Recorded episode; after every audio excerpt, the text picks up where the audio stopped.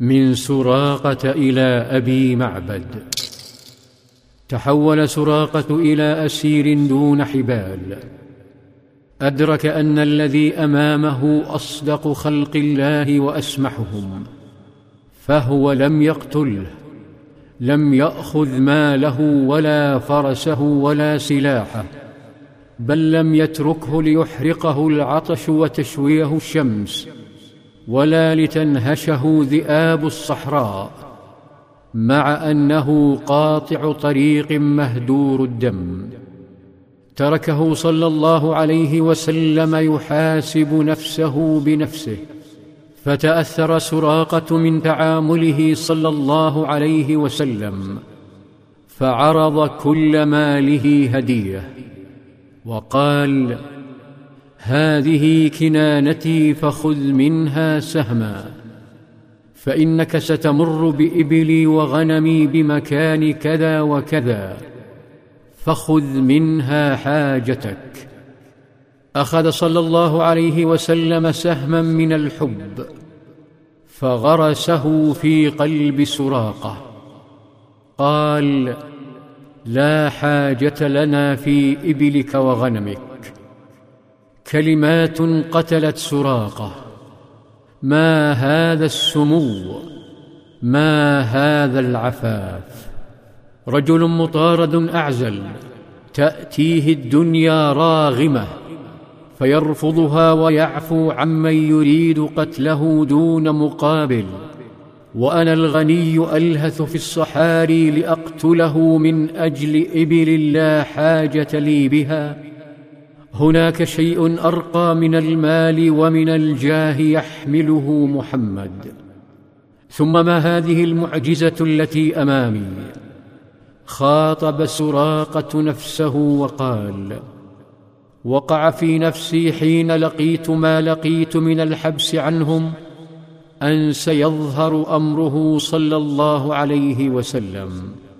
لذا أحب أن يكون من رعاياه. فطلب من النبي صلى الله عليه وسلم أن يكتب له كتاب أمان. فالتفت صلى الله عليه وسلم إلى عامر بن فهيرة فأخرج عامر رقعة من الجلد وكتب كتابا أملاه عليه نبيه. وقبل الفراق حاول سراقة تقديم خدمة لأحبابه الجدد. فقالوا له أخف عنا. ثم ودعوه وأردفوا قلبه معهم ومضوا.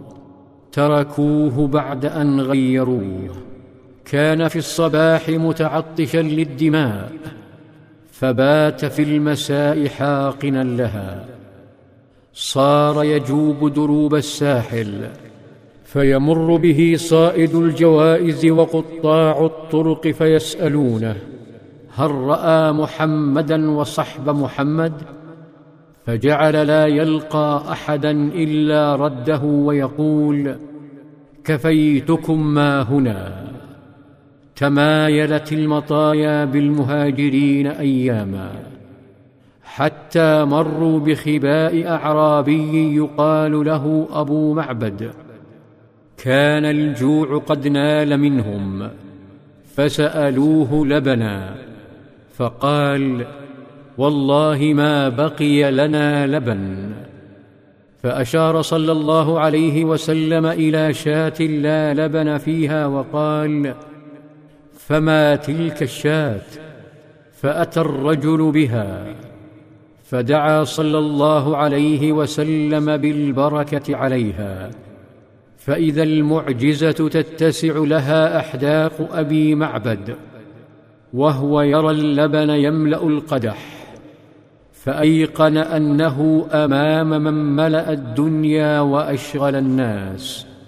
فقال أنت الذي تزعم قريش أنك صابئ؟ قال صلى الله عليه وسلم إنهم ليقولون ذلك. قال أشهد أن ما جئت به حق. ثم قال أتبعك.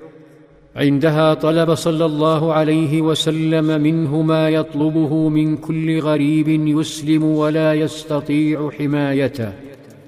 فقال صلى الله عليه وسلم لا حتى تسمع أنا قد ظهرنا. في ظلال في ظلال السيرة.